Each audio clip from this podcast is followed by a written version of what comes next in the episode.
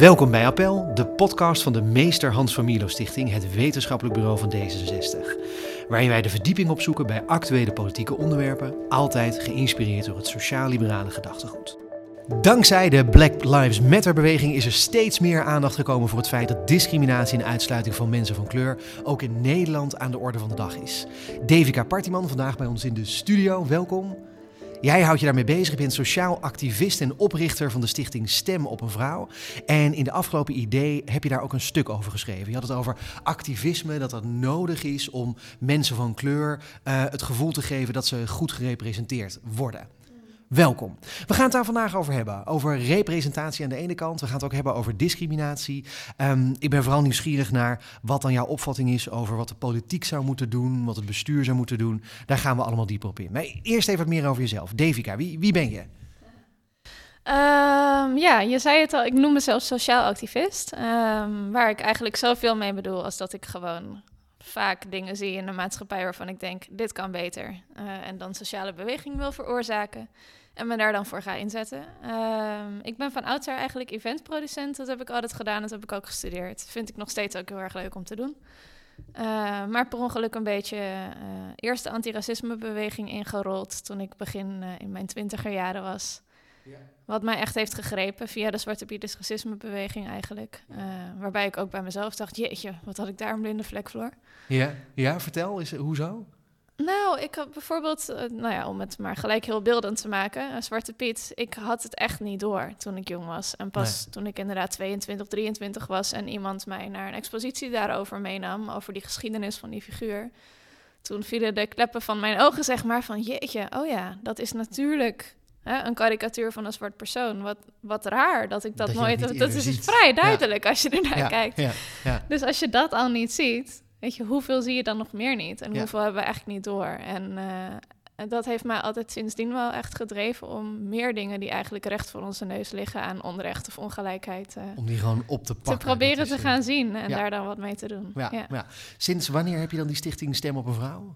Eh, 2017, eigenlijk net nadat eh, Trump verkozen was. Dat was voor jou het moment, je dacht, eerst Zwarte Piet zag je, de schellen vielen je van de ogen en toen werd Donald Trump verkozen en toen dacht je, dit kan toch niet? Dat is, eh, Nee, dat Ja. was wel een moment waarop ik dacht, ah, misschien moet ik nu maar eens wat met dat vrouw zijn eh, gaan, ja, doen. ja, heel goed, heel goed. Hey, dat, dat brengt me gelijk op eh, het hart van de zaak, hè? want in jouw stuk van in idee schreef je over het idee van volksvertegenwoordiging en dat mensen van kleur en ook andere mensen zich misschien niet goed kunnen herkennen in wat je nu ziet in de politiek. Kun je even kort samenvatten, wat, wat schreef je daar precies? Hoe zei je dat precies? Ehm, ja, ik schreef eigenlijk over ehm, hoe we naar activisme, hoe ik vaak naar activisme kijk als een, een probleem dat eigenlijk gecreëerd wordt doordat heel veel mensen in de politiek zich niet gehoord voelen. Dus eh, nou, we blijven maar gewoon even bij eh, bijvoorbeeld Zwarte Piet. Hè. Dat was voor mij echt een, een introductie in, oh ja, eh, op dat moment zaten er ook al geen zwarte Nederlanders in de Tweede Kamer. Dat is nu nog steeds zo. Wat gebeurt er eigenlijk als je dus daar in Den Haag jezelf niet terugziet en daar dus niemand hebt die dat gesprek voor jou kan voeren? Eh, want toen die discussie in Nederland opkwam, we weten het allemaal nog wel, het was echt niet leuk. Eh, iedereen had ruzie met elkaar, eh, families, vriendengroepen, weet ik het wat. Echt, iedereen lag in de clinch over die traditie.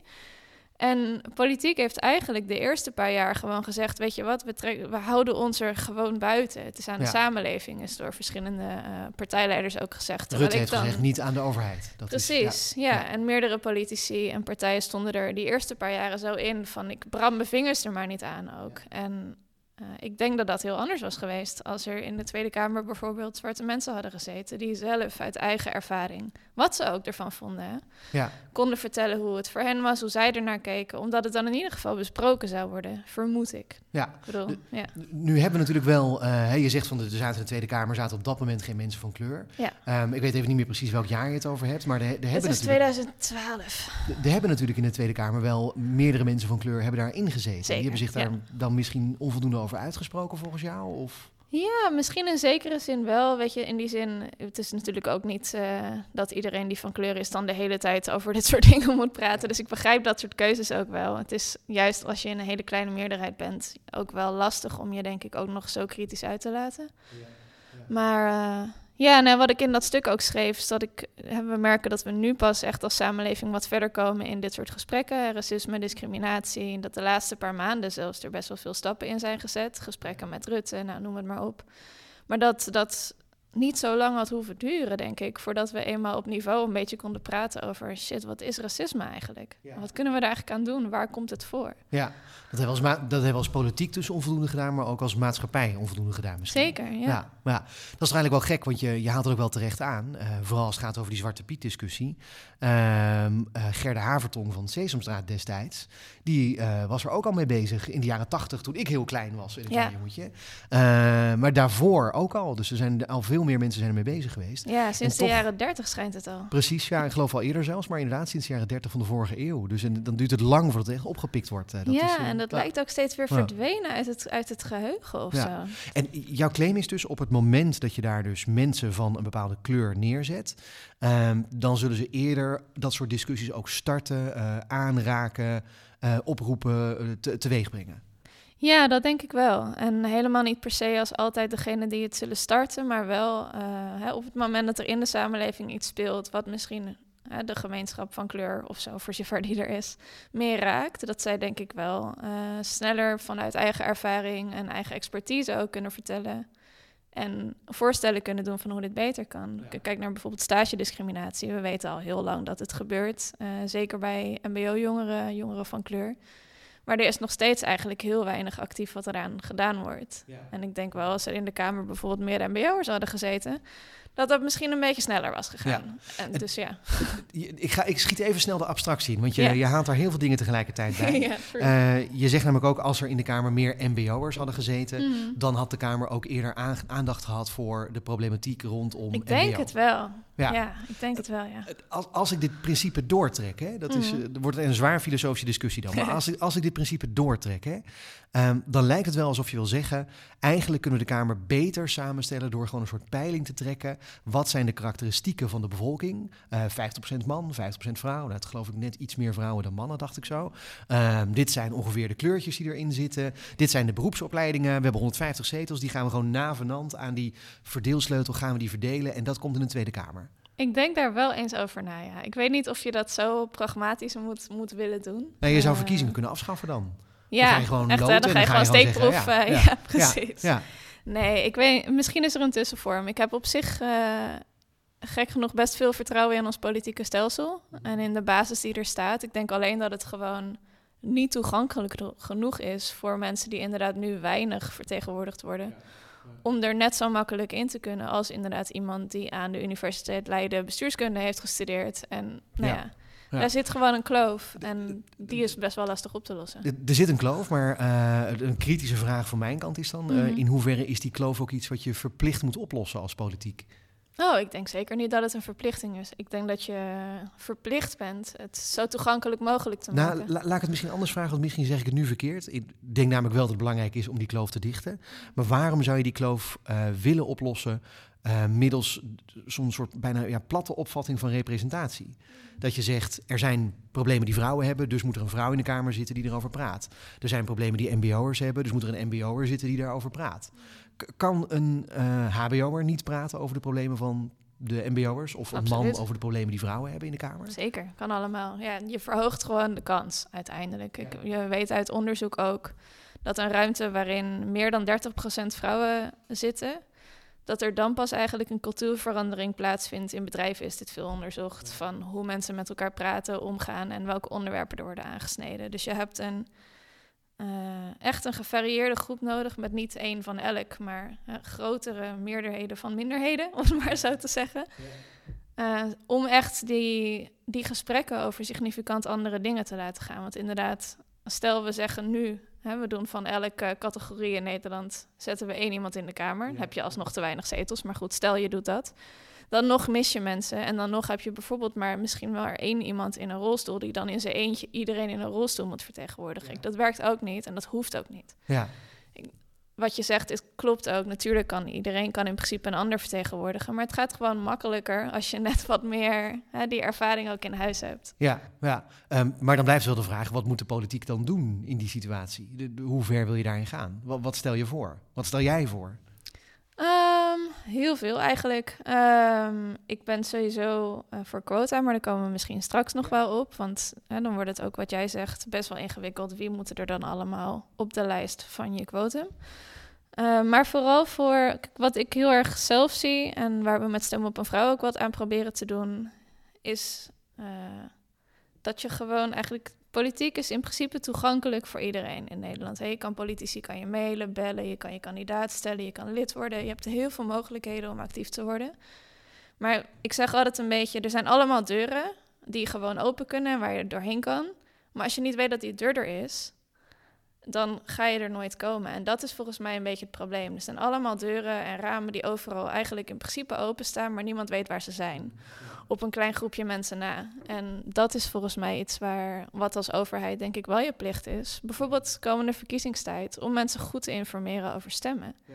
Ik vind een van de raarste dingen aan hoe de overheid werkt, vind ik dat we bijvoorbeeld niet één website hebben, verkiezingen.nl of wat dan ook, waar gewoon een overzicht op staat van hey, dit zijn de verkiezingen, hier gaat het over, dit zijn de verkiesbare partijen en dit zijn alle kandidaten. Ja, ja. Nou ja, die is, er, wel. Je hebt de kiesraad, daar kun je op kijken. Je hebben niet, nee, die hebben geen overzicht van de verkiesbare partijen, kandidaten enzovoorts en verkiezingsprogramma's. Niet op de juiste manier. Dat is, uh, niet van tevoren, nee. nee. nee. Dat, um, ik wil het straks hebben over quota, want dat is denk ik interessant om het ook over te hebben. Um, maar jouw, jouw eerste uh, aanzet nu is dat je zegt... volksvertegenwoordigers zouden op zijn minst bereikbaarder moeten zijn. Zouden moeten laten zien Ja, uh, sterker waar ze, ze zijn het eigenlijk al, maar ja. niemand weet het. Dus dat is echt een stukje informatie wat bij te weinig mensen mensen terechtkomt. Ja, ja. ik vind het wel grappig dat je dat zegt, want uh, als ik in ieder geval de fractieleden van D66 spreek, maar ook wel van andere partijen, sommige partijen niet, maar, maar van heel veel partijen wel, uh, die zijn naarstig op zoek naar meer contact met de burger of de kiezer. Die doen niks anders dan dag in dag uit. Uh, ze moeten af en toe stemmen in de Tweede Kamer, maar als ze daar niet zijn, dan zijn ze in het land. Dan maken ze contact met de kiezer. Dus is het dan, wie faalt er dan in dat proces? Is het dan de politicus die wel haar of zijn best doet om naar buiten te gaan? Of de kiezer die dan zegt, ja, er staat hier een politicus voor mijn deur en die zegt, uh, praat met mij en ik kan het maar niet vinden. Wie is het nou? Nou ja, dat die ervaring dus inderdaad. Ik weet, ik ken genoeg politici inmiddels om te weten dat ze hier heel hard aan werken. En dat is ook precies wat ik bedoel. Kijk, de deur is open. Ja. Maar dan nog zijn er gewoon groepen mensen die wat minder zichtbaar zijn. Ik bedoel, als een politicus inderdaad langsgaat bij, uh, weet ik veel, een buurtorganisatie of wat dan ook. Bijvoorbeeld in mijn eigen buurt in Amsterdam-Oost. Als daar zo'n overleg is met de buurt over wat er in de nieuwe straat voor pleintje moet komen, is daar altijd het selecte groepje van dezelfde bewoners. Dus het begint al heel vroeg in zo'n besluitvormingsproces en in wie er maatschappelijk actief is. Um, Neem bijvoorbeeld vrijwilligerswerk. Uh, Stem op een vrouw drijft grotendeels op vrijwilligers. Wie trekken wij aan? Jonge meiden uh, die een universitaire opleiding doen. Waarom is dat zo? Die komen vaak uit de middenklasse, hebben dus meer geld en kunnen dus makkelijk vrijwilligerswerk doen. Ja. ja. Dus en die neem ik mee op van alles en nog wat. Leren bij ons van alles. Het is cv opbouwen. Terwijl ik die kans ook natuurlijk heel graag geef aan een mbo'er of een hbo'er... of iemand die alleen de middelbare school heeft gedaan. Maar, maar, maar die hebben helemaal niet de luxe om vrijwilligerswerk te doen op jonge leeftijd. Dan gelijk een vraag aan jou. Waarom doe jij dat dan niet?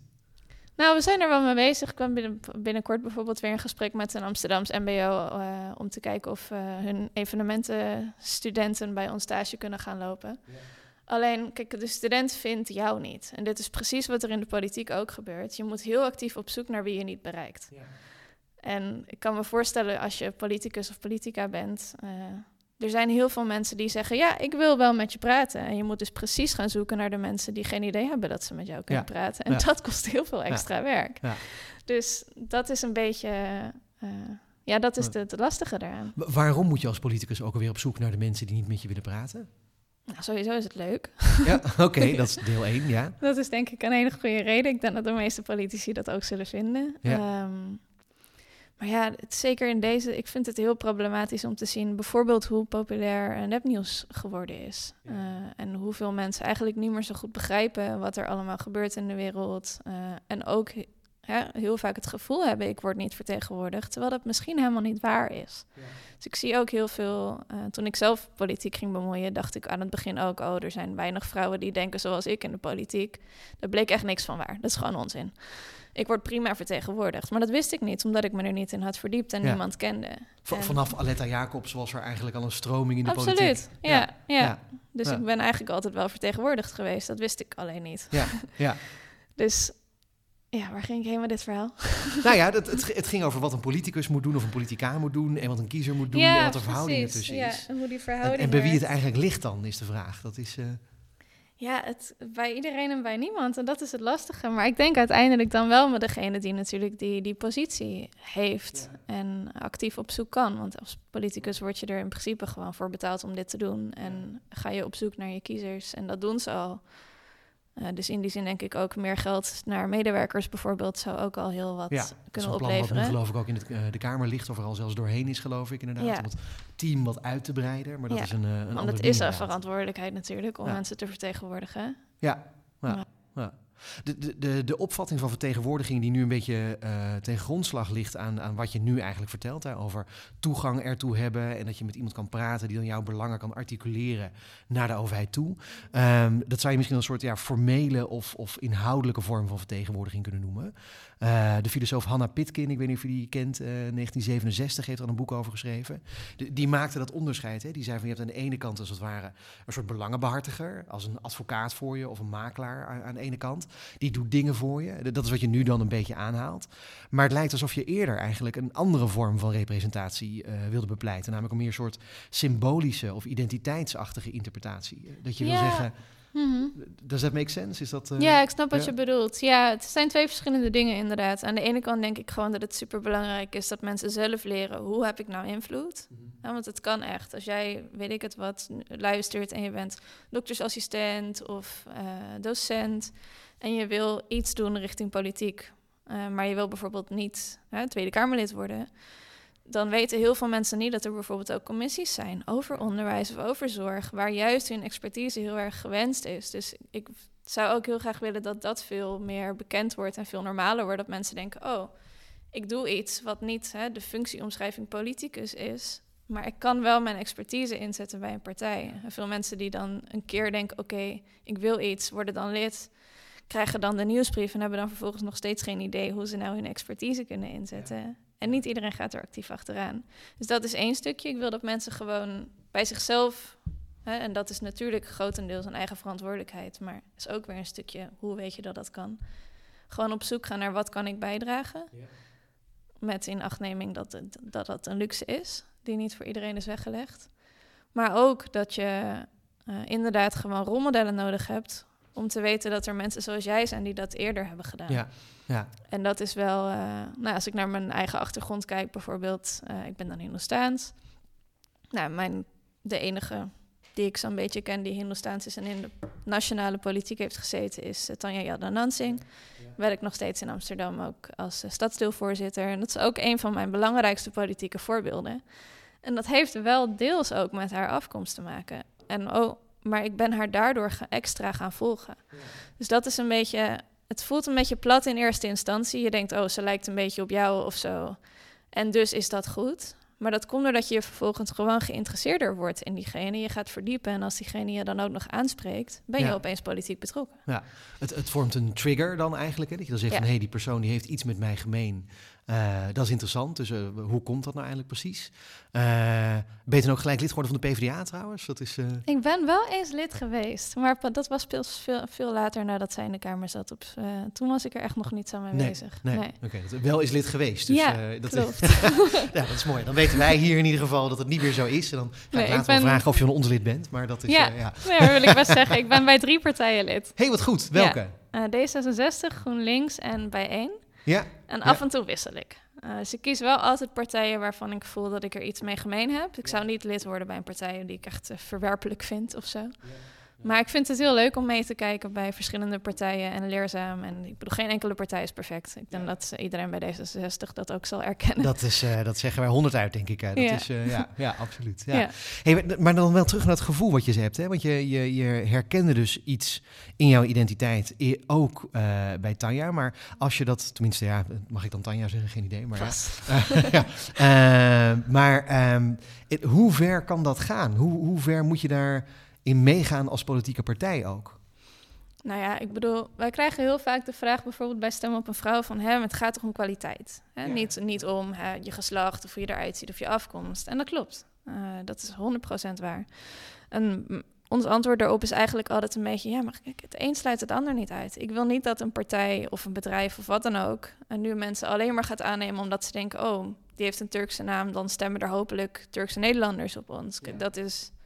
Daar, dat werkt misschien één verkiezing. En dan de volgende verkiezing word je daar denk ik op afgestraft, omdat je daarmee eigenlijk door de mand valt. Want iemand moet ook gewoon iets zinnigs te zeggen he- hebben. En als diegene niet geïnteresseerd is in opkomen voor Turkse Nederlanders, maar gewoon wil ex- zijn expertise in de zorg heeft. Weet je, dat, Ja, dat moet er ook allemaal zijn. Dan nog neem je een ander perspectief mee. Maar ja, je moet uiteindelijk gewoon op zoek naar inhoud, maar je moet breder op zoek naar inhoud. Ja, Want, ja. Ja, want ja. dat Nou ja, bijvoorbeeld ook in de zorg. Eh, we vorige week toevallig een praatje gehouden voor doktoren in opleiding. En dat was heel interessant, omdat ik mezelf ook meer ging verdiepen in hoe racisme in de zorg werkt. En daar kwam ik bijvoorbeeld een voorbeeld eh, tegen van huidziektes. Ehm, ik bedoel, we hebben allemaal, er zijn allerlei verschillende huidziektes, maar eh, eh, ja, precies. Ja, ja. Maar we zijn eigenlijk, of we, eh, artsen en medisch personeel is gewend om huidziektes vanuit de opleiding te zien op witte huid. Of in ieder geval licht gekleurde huid, waarop het je dus kan herkennen, oh, dit is dat. Maar mensen met echt een donkere huidskleur, dan ziet het er heel anders uit. Dus heel veel medisch personeel kan dat helemaal niet goed diagnosticeren. En eh, dat is dus eigenlijk best wel een probleem. Waardoor mensen te laat geholpen worden, niet goed geholpen worden, verkeerde diagnoses krijgen, nou, enzovoort, enzovoort, enzovoort. En eh, nou ja, goed, er is nu een onderzoek bezig. In Londen kwam ik achter van een eh, Britse student die zelf zwart is en dacht, ik ga een handboek maken met foto's van hoe dit eruit ziet op mensen zoals ik. dus die is daar nu mee bezig. Maar dit zijn wel dingen waar je ook in de politiek. Ja. ik denk wel dat je daar dat je dat sneller op je radar hebt als je dat zoiets bijvoorbeeld zelf hebt meegemaakt of uit je familie kent. Ja. Ja, ik denk dat dat probleem wel, wel, wel helder is. Hè? Dat, je, Ja. dat het als, als witte medicus dat het heel moeilijk is om te... eh, nou ja, om een ander voorbeeld te noemen. Onder Surinamers eh, weet ik dan toevallig, gaat er ook wel eens rond... dat als je naar de huisarts gaat, moet je even benadrukken... dat je net terugkomt uit Suriname. Zodat ze bij een of andere ziekte ook kunnen denken aan iets tropisch... als schistosomatose of iets anders. Want anders dan vergeten ze dat gewoon. Dus dat is denk ik puur praktisch. Maar het, het begon met die vraag over die identificatie die hij voelde... met, met iemand als Tanja Jadanansing. Ehm, hoe ver gaat dat en, en hoe steekt dat in elkaar? Dus ik, ik wil het snappen, omdat ehm, ik me ook wel eens afvraag of er, als het, dit, dit lijkt een beetje op identity politics, hè, dus een beetje de term die er vaak dan door rechts weer opgeplakt wordt, ehm, of dat ook te ver kan gaan, of je daar ook te veel in kan overdrijven. Ja, ik denk dat mensen die dat denken, dat je dan gewoon de gemiddelde mens onderschat. Ik bedoel, als Mhm, ik Tanja ja. niet tof had gevonden inhoudelijk, was ze niet een rolmodel van me Ja, geweest. ja. Ja, dat is, het, kan, het is een bruggetje naar iets. En herkenning is gewoon super belangrijk. En eh, ik denk dat we dat allemaal ervaren. Ik probeer wel eens aan mannen uit te leggen van stel dat je nog nooit in je leven een, eh, een mannelijke politieagent hebt gezien. Dan denk je als klein jongetje ook niet, oh agent, dat wil ik worden. Ja, Ja. Het, zo simpel Ja. is het. Ja. Ehm, het. Volgens mij is het soort van hoeven we het ook niet moeilijker te maken dan dat. Nee, het, is een, eh, het geeft je, het schept je mogelijkheden eigenlijk in je fantasie. ja, Op het moment dat je iemand iets ziet doen die op jou lijkt of waar je iets mee gemeen hebt, dan denk je, oh, dat kan ik ook. Zeker als je dat vanaf jonge leeftijd ziet, wordt het gewoon een onderdeel van je verbeelding. ja. En dat is belangrijker dan we denken als volwassenen, denk Een, ik een nog criticus steeds. zou kunnen zeggen, nou dan heb je al een erg beperkte verbeelding als je daardoor laat inperken. Dat hebben we denk ik ook, ja. Dat klopt. Dat denk ik ook. De mens is niet zo creatief dat ze dan kunnen zeggen... ach, ik las hier een verhaal over iemand. En... Nee, maar ook niet iedereen is zo moedig om te zeggen... ik heb nog nooit iemand gezien die op mij lijkt die dat heeft gedaan... maar ik ga het wel doen. Je hebt mensen die zo zijn en dat, goddank. Pipi Langkous. Goddank, nou, bijvoorbeeld. ik heb het nog nooit gedaan, dus ik kan Ja. het wel zijn, ze altijd. Maar je Ja. hebt ook mensen die daar inderdaad... Nou ja, ik bijvoorbeeld, ik heb vaak niet echt die verbeelding. Dus ik moet mezelf daar echt toe dwingen. Om eh, buiten mijn kaders te denken van... oh ja, wat heb ik gezien als kind? Wat zie ik als volwassene? Wat wil ik eigenlijk zelf? Ehm, ja, het is makkelijker als je mensen hebt in wie je je kan herkennen. Maar, heb je dat soort. eh, ehm, ik, ik snap wat je zegt, dat het belangrijk is dat je mensen om je heen hebt als rolmodel eh, die je kunt herkennen. Ehm, maar heb je dan specifiek dat soort descriptieve kenmerken echt nodig om die herkenning te voelen?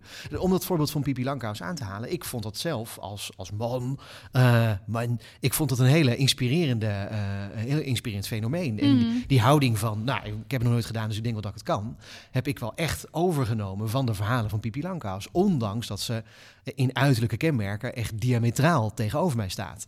Ehm, dus eh, wa- wat zijn die, waarom zijn die uiterlijke kenmerken zo belangrijk bij die, bij die identificatie? Nou, het is, dat is alleen maar relevant, wordt het in de extreme. Ehm, want in, bedoel, natuurlijk, ik kan me ook vinden in genoeg mannen die ik ken, bijvoorbeeld. Of eh, weet je, mensen die er anders uitzien dan ik. Dus dat is het probleem niet zo. Het is meer. ehm, nou ja, wat ik bijvoorbeeld zei over, eh, over de politie. Ehm, er zijn heel veel beroepen waar je als meisje bijvoorbeeld mee opgroeit, waarbij je echt nog nooit een vrouw het hebt zien doen. En dan gaat het wel uitmaken. Uh, want als je dan inderdaad, als ik dan, hè, stel dat Pippi Langkous een jongetje was geweest en die had gezegd, ik denk dat ik het uh, wel kan, dan had ik waarschijnlijk gedacht, ja natuurlijk, jij bent een jongen. Jij kan allemaal dingen die ik niet doe, maar mijn mogelijkheden liggen ergens anders. Dat jij je identificeert met Pippi Langkous is in die zin vrij logisch. Ja, ja, ja. Ja. Dus het, is, het is, wordt pas interessant in, in meer extreme gevallen van echt zware onderrepresentatie, waarin het opeens wel gaat uitmaken, Ja. denk ik. Ja, ja, en dan misschien ook meer in hiërarchische verhoudingen, in, in algemene beroepsgroepen, denk ik. Uh, bekend voorbeeld is uh, hoe het, uh, even totaal, een hele andere hoek, maar hoe het met programmeurs is gegaan. Ja. Tot en met de jaren zeventig waren programmeurs en computerwetenschappers voornamelijk vrouwen. Het woord computer komt ook van een vrouwenberoep, maar ineens werd het een statusberoep en gingen mannen doen. En nu doet geen enkele vrouw het bijna meer. Nee, en dan moet daar dan weer heel hard aan ja, worden. En, ja, precies. Ja, dat is dus raar eigenlijk. Hè? Dat, die, dat, dat, dat, dat soort dingen dus eigenlijk met uh, ja, een soort collectieve trends eigenlijk meegaan, inderdaad. Ik denk wat ik in het voorgaan eigenlijk vooral wil vragen is... als je zo focust op uiterlijke kenmerken van, van minderheidsgroeperingen... loop je dan niet het risico dat je dan te veel focus legt op die uiterlijke kenmerken... ten, ten koste van de allerkleinste minderheid die er in Nederland is... en in elke maatschappij is, namelijk het individu zelf? Um, nou ja, Kijk, wat is focussen op uiterlijke kenmerken? Ik bedoel, als ik constateer, er zitten geen... Ja, sure, maar wanneer doe je dat echt? Zeg maar, hemel, je, je, je zegt niet iemand... er moet een willekeurig zwart persoon van straat geplukt worden... en in de, in de Tweede Kamer worden gezet. Mm -hmm. Dus voor mij uh, is dat er gewoon een soort van te makkelijke beschrijving... van wat representatie eigenlijk is. Uh, dat is niet, we plukken even iemand van straat. Een ja. quotum gaat ook niet over... we gooien even 50 vrouwen die we toevallig uh, hè, uit onzezelfde stratenrijtje... even de buurvrouwen met tante de kamer erbij en dan komt het goed. Weet je, dat is niet hoe het vinden, werkt. Ja. Ongetwijfeld heel gezellig. Maar het is altijd een combinatie. We zijn veel complexer ja. dan dat. En maar op het moment dat je dus een extreem geval van onderrepresentatie hebt, dan maakt dat uiterlijk wel uit. Omdat je gewoon, denk ik, wil voorkomen dat je een generatie kinderen hebt die opgroeit, die zichzelf echt niet terugzien. Ja. Ja. En ik vond een heel grappig voorbeeld daarvan, uh, bijvoorbeeld van de premier van Nieuw-Zeeland, Jacinda, Jacinda Ardern. Uh, zij, ik heb haar één keer zien speechen digitaal vorig jaar en daarin vertelde ze dat ze van ouders uh, met zoontjes wel eens te horen krijgt dat hun zoontje dan aan hun vraagt: Goh, mam of pap, kan ik dan eigenlijk ook wel premier worden? Want die groeien op met een vrouwelijke premier. Ja, ja, ja. dan draait het ineens om. Dat dan is, draait uh, het ineens ja. om. En dit ja. is zo'n typisch beeld van: oh ja, dit is wel hoe onze geest werkt. En dat vergeten we gewoon als volwassenen. Ja. ja. Maar we, en de, die jongetjes hè, vragen het dan nog. Maar er zijn ook kinderen die het niet vragen. Ja. En die dan gewoon denken: oh, dat is blijkbaar. Hè? Zonder dat ze dat Ja. heel actief denken. Dit is blijkbaar niet mijn categorie waar ik over ga dromen. Uitzonderingen soort- daar gelaten. Dat kan toch een soort positief bijeffect zijn? Een soort historische correctie? Dat het Klopt, ja. eeuwenlang hebben mannen Nee, het ik vind voordeel het gehad. hilarisch dan- natuurlijk, zo'n Ja. voorbeeld. Maar het is wel, kijk, jongetjes en meisjes... en ook iedereen die zich niet zo identificeert, rolmodellen. Ja, En dat is gewoon makkelijker als je wel van jongs af aan ziet van... oh ja, ook al ken je die mensen helemaal niet... dat je weet, oh ja, dit kan ik ook. ja. Ja, het lijkt wel moeilijk balanceren dan, het op een nette manier te doen. Als je, als je het heel snel de andere kant op kan overdrijven. En de menselijke geest blijkbaar zo plooibaar is en weinig creatief. Nou ja, daarom is het dus ook wel weer heel makkelijk op te lossen. Door dus wel, vertel. Nou ja, door dus gewoon sowieso meer eh, eh, mensen te laten zien die er nu, bijvo- laten we het bij politiek houden, die nu bijvoorbeeld al in de politiek zitten. Want het is niet dat er bijvoorbeeld helemaal geen zwarte politici zijn. Het is als partij ook hè, de keuze om in verkiezingstijd altijd maar je nummer één naar voren te schrijven, is gewoon een beetje lui, als je het mij vraagt. Dat kan je heel makkelijk doorbreken. Net als dat je gewoon kan kijken waarom hebben we elke keer dezelfde kop onderaan de nieuwsbrief. Dat is nergens voor nodig. Dus je kan al hele simpele ingrepen doen om gewoon letterlijk de beelden al te gaan veranderen en de personen en daar een beetje in gaan wisselen. Dan heb je echt al, dan heb je al drie stappen vooruit gezet. Dus er hoeft ook niet per se, alles hoeft niet per se anders. Want je hebt vaak al allemaal mensen in huis die je gewoon wat vaker het podium kan geven. Ja. Alright. Ja. Even concreet, want het woord quota is al meerdere malen gevallen. Ben ben je daarvoor of niet? Hoe, hoe zit het precies? Wat is... eh, Ja, ik ben er voor mits. Ehm, Ik ben er eh, voor omdat we gewoon... Ik ben gewoon een beetje ongeduldig. Ja? Ehm, Oké. En ik denk dat meer mensen dat zouden mogen zijn als het op ongelijkheid aankomt. Ja. Kijk, je kan er heel lang over doen totdat bijvoorbeeld eh, vrouwen voldoende gerepresenteerd zijn in de politiek. Eh, ik vind het alleen al historisch gezien gewoon heel interessant wat er zou gebeuren of er iets zou veranderen als je 50% vrouwen in de Kamer hebt. We hebben het nog nooit meegemaakt, dus we gaan zien of het iets verandert als het eenmaal zover is. Eh, maar om da- een keer op dat punt te komen, kijk, 100 jaar geleden kregen vrouwen in dit deel van Nederland kiesrecht. Nou, dat weten we inmiddels, dat is vorig jaar groot gevierd. We waren enigszins laat in de trend ook wereldwijd. Klopt, Het is alle andere ja. landen keken naar ons en dachten, huh, ja. Ja, en Ja. nog steeds, weet je, we zitten nog steeds rond de 30, soms 35 procent te schommelen. En het gaat gewoon niet omhoog. En eh, dan kan je het nog 100 jaar geven totdat je er bent. Maar waarom zou je het niet gewoon even fixen? En dan gewoon een beetje haast erachter. En dan gewoon kijken of het zichzelf in stand houdt. Want dat is uiteindelijk, het is een middel. Het is een beetje een paardenmiddel. Maar het is wel een middel om in één keer gewoon te zorgen... oké, we willen hierheen, laten we die jump in één keer maken... en dan kijken of we kunnen zorgen dat het gewoon dan natuurlijk zo blijft. Want je wil niet de rest van eh, de toekomst van de democratie... altijd met quota werken. Je Ja. wil dat mensen zich vanzelf gaan melden. Ja. En het quotum kan een middel zijn om dat een beetje sneller voor elkaar te krijgen. Het, het zou niet fijner zijn om het quotum gewoon van nature te, te doorbreken middels jouw stichting. Gewoon middels stem op een vrouw, dat iedereen Ja, daar van. enthousiast over wordt. En, Ja, dat zou heel mooi zijn. Ja, en te- ik bedoel, ik denk ook niet zozeer dat het een, een gebrek is aan, aan bijvoorbeeld in dit geval vrouwen die wel willen of geschikt zijn. Het is gewoon een kwestie van diegene vinden en wat extra motiveren ook vaak. ja, Eh, je moet eh, helaas eh, toont onderzoek nog steeds aan dat je vrouwen toch vaak actief moet vragen. En ook dan dat je ze alsnog misschien nog wel een keertje moet bellen na dat sollicitatiegesprek en dat soort dingen. ja, Voordat het is een be- bekende anekdotes. Hè? Dat is, eh dat, Ja. eh, geloof dat Alexander Pechtel dat ooit een keer heeft gezegd. Van toen ik in de partij vroeg wie wil op de, bij mij op de lijst. Dat alle mannen zeiden ik wilde wel. En dat alle vrouwen, die moest je nog eens bellen. Ja, en helaas is dat eens. cliché gewoon toch vaak waar. ja, Eh, nogmaals, niet voor iedereen, maar helaas vaak wel. En dat is, nou ja, als je dat dan weet, dan ga je dus gewoon de telefoon wat vaker oppakken, denk Ja. ik dan. Weet je, het, het- zo moeilijk hoeft het allemaal niet Nee, te zijn. precies. Je kan Ja. gewoon nu als partij zeggen, we doen een intern quotum en we gaan dus gewoon heel veel vrouwen bellen die we goed vinden. ja, Ja. We hebben nu een vrouw als lijsttrekker. Dus dat is misschien denk ik wel een goede stap Ik denk in, wel de, dat het in de richting. Ja, Ehm, want tegelijkertijd is natuurlijk wel op, op quota komt wel heel veel kritiek ook. Hè? Dat is eh, een van de kritiekpunten zou kunnen zijn. ehm, dat was recent ook in het nieuws dat vrouwen onderling, die door middel van een quotum hoger in de organisatie zijn gekomen, dat die elkaar dus al als lager inschatten, omdat ze denken, oh, Ja. ik ben hier wat ik goed ben, maar Klopt. jij, beste meid, eh, Ja. jij zit er vast vanwege het quotum en je bent helemaal niet goed van jezelf. ja, gebeurt ook heel veel met politici die inderdaad van een andere culturele afkomst eh, komen in een partij en dan inderdaad hoog worden geplaatst, waarbij collega's dan denken, oh, je staat er alleen maar op nummer drie omdat je een kleurtje hebt. Klopt, komt heel veel voor, dit soort dingen. Dus het is ook, je kan het eigenlijk een quotum pas invoeren als je eerst met je hele organisatie, en waar je dit ook gaat doen, gaat uitleggen waarom je denkt dat het nodig is, iedereen aan boord krijgt, een welkome omgeving schept en dat zorgt hebt dat gedaan, mensen heb je snappen. nodig.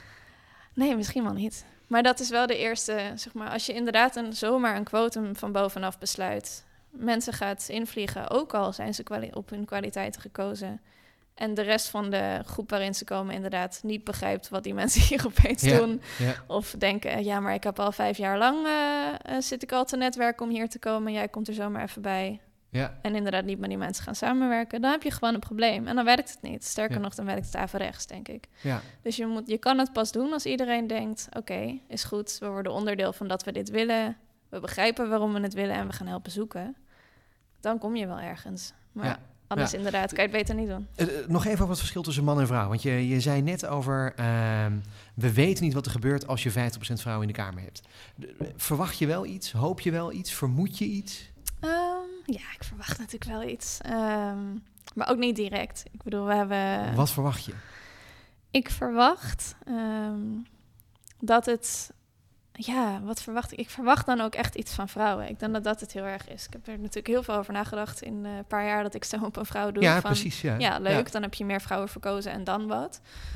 Ehm, ik denk gewoon dat de politieke cultuur als geheel eh, wel, wat, wel wat verbeterslagen te maken heeft. En ik denk dat de aanwezigheid van meer vrouwen daar heel erg aan kan bijdragen. Bijvoorbeeld hè, de, de vrij harde debatcultuur, ehm, waarin er eigenlijk alles al van tevoren besloten is. Er weinig dialoog meer is. Voor het publieke oog. ehm, maar ook met gewoon wat meer aandacht voor eh, gezonde samenwerkingen. Ja. Dat Ja. soort zaken. Ik- vraag het specifiek omdat ik onlangs een eh, column las van eh, hoogleraar Janka Stoker. Eh, een vrouw, dat is misschien dan belangrijk om hierbij te vertellen. Zij eh, eh, is expert in leiderschap, doet allerlei experimenten mee en uh, weet er veel meer van dan wie dan ook in Nederland. Um, en zij zei, nou als het gaat over dat idee van vrouwelijk leiderschap, is er iets heel interessants aan de hand. Um, kort samengevat wat ze zei was, er is eigenlijk helemaal geen verschil tussen mannen en vrouwen als ze leiding geven. Alleen is het in de praktijk nu zo dat de weinige vrouwelijke leiders die er zijn, die zijn duidelijk beter, omdat ze heel veel culturele, maatschappelijke hindernissen hebben moeten overwinnen. Maar, uh, maar intrinsiek is er dus niks anders aan mannen en vrouwen eigenlijk. Nee, dat geloof ik best inderdaad. Ja, dat maar als dat, zo is, dan is de vraag, waarom wil je dan een kwotum hebben? Waarom wil je dan 50% vrouwen hebben? Ja, het is ook een onderwerpenkwestie. Um, kijk, uiteindelijk, je staat samen gewoon sterker. En ik denk op sommige onderwerpen, als je het over iets heel typisch uh, rond het, het vrouwenlichaam uh, wil hebben, zoals abortus, ja. Is het denk ik uh, only fair als daar in, tenminste ook voldoende vrouwen over mee beslissen. Ja.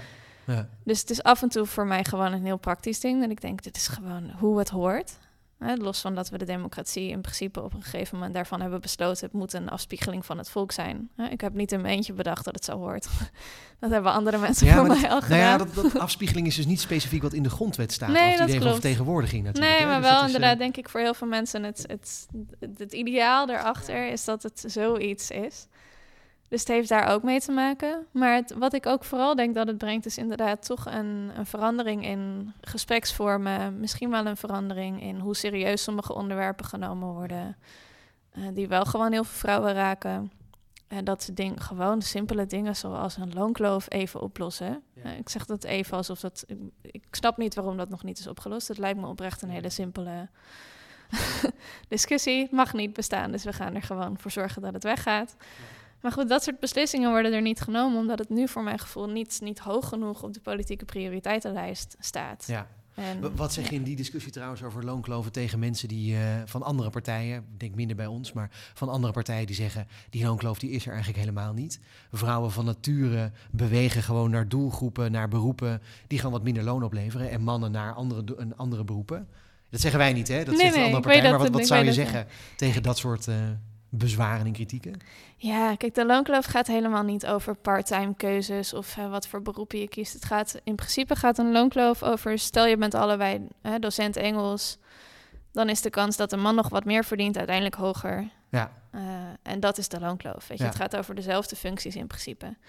En natuurlijk heb je allerlei andere mechanismes, zoals dat vrouwen doordat ze meer zorg dragen vaak, mantelzorg, zorg voor kinderen, uh, vaker gaan voor de parttime functie. In coronatijd, zoals nu, zien we dat meer vrouwen in principe die in lagere beroepsgroepen zitten, inderdaad minder betaald krijgen, ook dus eerder degene zijn die dan zeggen: Oh shit, de kinderen moeten thuis naar school. Ik stop wel met werken, zeggen dan de man die al meer verdiende. Ja. Waarna na die crisis zij waarschijnlijk weer moeilijker een baan gaan vinden, nog weer een salarisschaaltje lager gaan instarten, terwijl die man wat snel weer op zijn oude niveau is. Wat ik interessant vind aan wat je zegt is, als je, als je naar die andere partij luistert, dan moet je natuurlijk niet doen, maar als je dat doet, dan, uh, dan zit daar een soort claim in dat het van nature iets, een soort biologische drive is die er in mensen zit. Uh, maar jij maakt het nu systemisch en een beetje een soort, ja, uh, ja je zou wel haast tegen een soort marxistische analyse.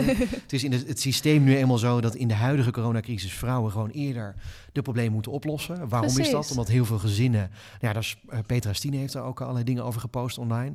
Um, en dat betekent dus dat vrouwen nu in eerste instantie op achterstand komen. Als de crisis voorbij is, ja. hebben ze nog een sterkere achterstand. En dat heeft bijzonder weinig met onze evolutionaire neigingen te maken. Ja. Ik bedoel, dan kan je wel zeggen, ja, vrouwen zijn zorgzamer. Ja, is dat zo? Of is dat ooit gewoon door de, door de kerk opgedrongen? Of misschien wel daarvoor zo ontstaan? Wat denk jij? Ja, je vraagt het nu, maar wat denk jij?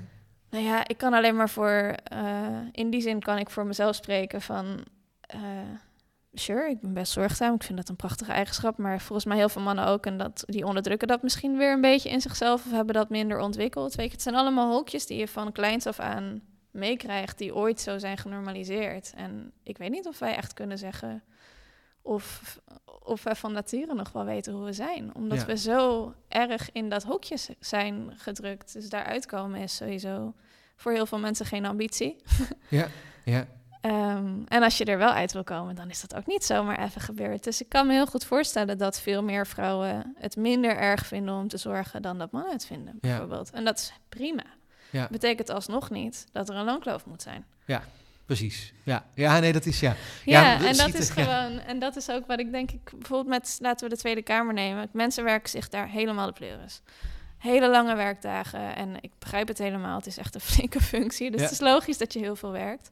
Maar je ziet ook dat jonge Kamerleden vaker uitvallen. Dat het bijvoorbeeld voor vrouwen met een gezin eh, op jonge leeftijd toch lastiger te combineren is. En dat zij eerder uitvallen, bijvoorbeeld in de Kamer, dan mannen met een gezin. Dat is, en dit zijn vrouwen met dezelfde ambitie. Die wilden de Kamer in. Die hebben daarvoor gekozen, die hebben daarvoor gewerkt, die zitten daar. En die zeggen dan alsnog, ik kan het gewoon niet combineren. Ja, En Ja. dat is niet een evolutionaire neiging. Dat is gewoon dat hun man minder doet thuis. Bijvoorbeeld. Ja. Of dat ze in hun omgeving niet voldoende support krijgen om het wel voor elkaar te krijgen. ja. Ik vraag er zo op door en ik wil het zo helder naar boven krijgen. Omdat dit is eigenlijk een beetje wat, wat, wat jij bedoelt, maar bijvoorbeeld ook de Black Lives Matter beweging. Als het gaat over institutionele discriminatie of systematische discriminatie. Klopt dat? Is dat de, de hoek waar we het in moeten zoeken? Ja, het is inderdaad, ik denk dat we te snel gooien in die zin bijvoorbeeld ook op natuur. Terwijl het is cultuur. En die is zo subtiel dat je het vaak gewoon niet zo heel duidelijk kan aanwijzen. Maar er zijn heel veel van dit soort culturele dingen. eh, waardoor je gewoon ongelijk opgroeit en blijft. Ja, ja. En dat is voor jou dus een reden om als activist gewoon op de barricade te gaan. Ja. Wat zijn je plannen voor de komende jaren? Ehm, nou ja, we gaan dus naar die 50% in de Tweede Kamer toewerken. Heel goed, ja. Ja, die Ga komt er wel, daar heb ik wel vertrouwen in. Eh, misschien in de toekomst. Je bent lid van drie partijen, dus Ja. je kunt nu kiezen.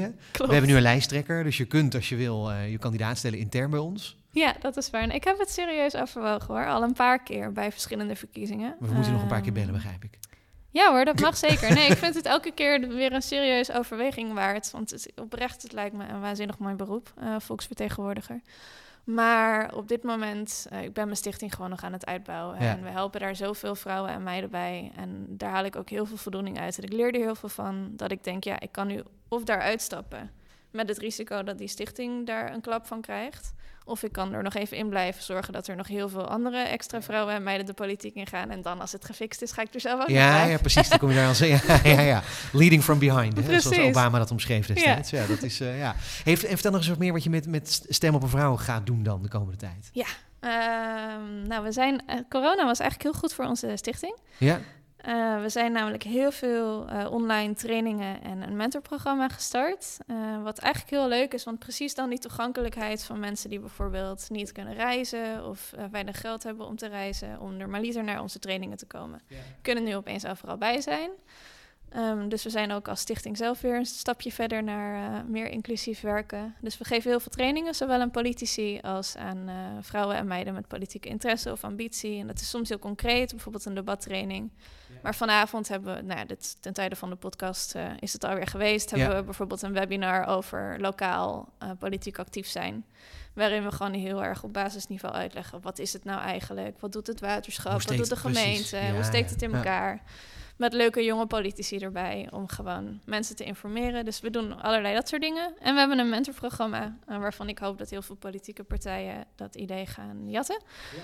Uh, waarbij we eigenlijk vrouwelijke politici vragen of ze gratis mentor willen worden van iemand die zegt: Ja, ik heb politieke interesse of ambitie en ik wil verkennen of het wat voor mij is. Ja, ja. En uh, dus heel veel jonge mensen melden zich dan bij ons aan van: Oké, nou, ik durf de stap naar de politiek nog niet te zetten. Ik ben nog geen lid, zijn ze vaak. Of ik weet nog niet wat ik ermee moet. dit zijn, ik noem ze politieke twijfelaars. Eigenlijk een groep maatschappelijk betrokken jonge mensen die wel denkt, ah, ik wil wel invloed hebben, maar die politiek, eh, ik weet het niet die kloppen niet bij D66 gaan, want dat is een stap te ver. Jammer, want we zijn toch de partij van de twijfelaars. Ja, dat, is zeker waar. Ja. dat is zeker waar. En die koppelen we dan aan een politiek mentor. Uh, Meestal in hun eigen regio. En die komen nu dus vooral via videobellen dan uh, uh, bij elkaar. Meestal één keer per maand of zo. En dat, dat werkt echt supergoed. Waardoor nu heel veel jonge mensen dan voor het eerst inderdaad lid worden. Of een keertje meegaan met die politica naar een bijeenkomst. En ja, dat werkt zo goed. Het is echt heel leuk. Ja, ja. Laatste vraag. Um, van, vanuit jouw visie, vanuit, jou, vanuit jouw verhaal, uh, vanuit Stem op een Vrouw ook. Wat voor opdracht zou je willen meegeven aan D66 voor de komende verkiezingen? Voor de komende verkiezingen? Uh, hoe, hoe, kunnen we laten zien dat we als partij inclusief zijn? Wat is volgens jou een inclusieve politieke partij? Um, een politieke partij is voor mij denk ik... Nou ja, de stap die ik heel graag zou zien... Um, en dat is denk ik voor D66 nu met een, lijsttrekker die al heel veel aandacht genereert en, en al een bijzondere positie heeft, een extra uitdaging. Om ook gewoon uh, je andere kandidaten ook een spotlight te geven op een manier die past. En te laten zien, uh, ook aan de kiezer, en heel goed toegankelijk te maken op je site bijvoorbeeld. Van wie zijn deze mensen, wat willen ze doen en hoe gaan we zorgen dat dat, hè, los van dat je geen loze beloftes wil maken, maar ja. Geef al die mensen zo'n podium. Want ik denk echt, hè, Sigrid Kaag, ik vind het, ik ben zelf uh, vind ik het heel tof. Maar er zijn ook genoeg mensen die ik ken die het helemaal niks vinden. En dat mag er zijn. Ja. Maar heel veel mensen hebben dan vaak de neiging, oh, dan stem ik niet op D66. Terwijl als je dan nog twintig andere kandidaten hebt waarin iemand zich misschien wel kan herkennen. Of denkt van, oh, maar diegene die spreekt mij wel aan ik, dus voor mij is dat een win-win. En dus dan zeg je eigenlijk, laat de diversiteit die we hebben, laat die gewoon duidelijk zien. Maak ja, het zichtbaar, precies. En niet op uh, soort van United Colors of Benetton foto's van kijk hoe leuk divers onze partij eruit ziet. Het is ook belangrijk, begrijp me niet verkeerd. Maar laat vooral het ook zien in je woord en daad. Geef die mensen een... Uh, de ruimte om te debatteren in het publieke oog, weet je, dat soort dingen. Een reactie die dan echt op het puntje van, moet ik echt even... Ja, dat zou een heel goed idee zijn. Probleem alleen is, op het moment dat het campagnetijd is en je gaat naar, weet ik veel, uh, Nederland 1, een of ander debatprogramma. ja, die redactie die wil, die wil echt de nummer 2 niet. Dat is gewoon echt, die wil gewoon altijd echt de lijsttrekker. Dat is gewoon bloedvervelend. Hè? Dus hoe kunnen we dat probleem oplossen? Wil de redactie dat soort van tot op het punt dat ze dan, dan maar niemand van je partij hebben als je nee zegt? Dus goede vraag. Ik zat met het campagneteam. Uh, ja, nee, maar serieus. Voor, Ik bedoel, wij organiseren zijn op een gegeven moment zelf maar verkiezingsdebatten gaan organiseren, omdat we ook merkten, hè, uh, anders komen die mensen nooit aan het woord. Hè, de, de, rest van de vrouwen op de lijst. Want als er dan een keer een vrouw staat, is het ook vaak de eerste op de lijst of de lijsttrekker. Ja. En die worden inderdaad bijzonder weinig uitgenodigd. Maar daar hebben we bij partijen ook echt om moeten bedelen aan het begin van... nee, we willen niet je nummer twee, we willen je nummer zes. En dat was ook moeilijk. Maar ik bedoel, anders komen ze niet. Weet je, anders was het gewoon, nou ja, oké, sorry, maar we hebben de voorkeur voor die. We willen ook nog wel een andere optie geven, dat is namelijk je nummer negen. Ja laat me maar weten wie er kan. Ja. ja. Hey, en wat nou als die nummer 9 of nummer 12 of nummer 21, als die zegt... ja, maar ik heb hier helemaal geen zin om op zo'n manier in een campagneboodschap nee, tuurlijk, te stappen. dan zoeken we wel iemand anders. Ik ben toevallig een, een Turk of Marokkaan of Surinamer... en dan moet ik weer bij zo'n diversiteitsdebatje laten zien... dat ik ook als Turk, als Surinamer... joh, ik heb ook wat te vertellen. Daar heb ik toch helemaal geen zin in. Ik tuurlijk heb een niet, inhoudelijk dossier. Mhm. Mag zo iemand dan nee zeggen? Of? Ja, graag. Ja. Dus het wel laten zien, wil, maar... Ja. Nee, maar ik bedoel, als wij werven, we kiezen onze onderwerpen van tevoren. Dus daar starten we altijd mee. Over welke inhoudelijke thema's willen we het hebben in het debat. En dan gaan we gewoon op die kandidatenlijsten kijken welke kandidaten passen er bij het onderwerp. Ja. En dan kom je vanzelf wel op een diverse groep. Ja, soms is dat wel de nummer één of twee. Weet je, dat is prima dat die mensen mogen er ook zijn. maar Gelukkig. Die zijn er al heel veel. heel goed. Ja. Dankjewel, Devika Partiman van Stem op een Vrouw. Ja, ja. En daarmee zijn we aan het einde gekomen van deze aflevering van Appel. Bedankt voor het luisteren. Andere afleveringen zijn te vinden op de gebruikelijke podcastkanalen of via onze website van mierlostichting.nl. Heb je vragen, opmerkingen of wil je gewoon graag een keer met ons in contact komen? Ga dan naar onze website, stuur een mail of gewoon een berichtje via Facebook of Twitter.